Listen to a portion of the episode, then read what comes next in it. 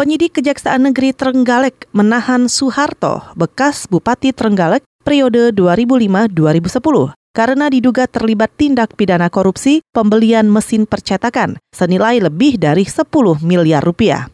Kepala Kejaksaan Negeri Trenggalek Lulus Mustafa mengatakan, penahanan Soeharto dilakukan sesudah menjalani pemeriksaan selama 5 jam kemarin. Kini Soeharto ditahan di rumah tahanan kelas 2B Trenggalek. Ini tersangkut sehubungan dengan perkara penyertaan modal pada PDAU BUMD yaitu pembelian mesin percetakan seharga 10 miliar 800 juta. Namun mesin yang dibeli tersebut merupakan mesin yang dalam kondisi rusak, tidak bisa dipakai untuk mencetak koran, gambarnya double, hurufnya juga double. Kepala Kejaksaan Negeri Trenggalek Lulus Mustafa menambahkan, perkara tindak pidana korupsi yang melibatkan bekas Bupati Trenggalek Soeharto itu terjadi ketika pemerintah kabupaten melakukan penyertaan modal kepada percetakan PT Bangkit Grafika Sejahtera, satu perusahaan daerah milik Pemkap Trenggalek. Anggaran lebih dari 10 miliar itu kemudian digunakan untuk membeli mesin percetakan melalui pihak ketiga tanpa lelang. Tapi ternyata mesin yang dibeli kondisinya sudah bekas pakai dan rusak.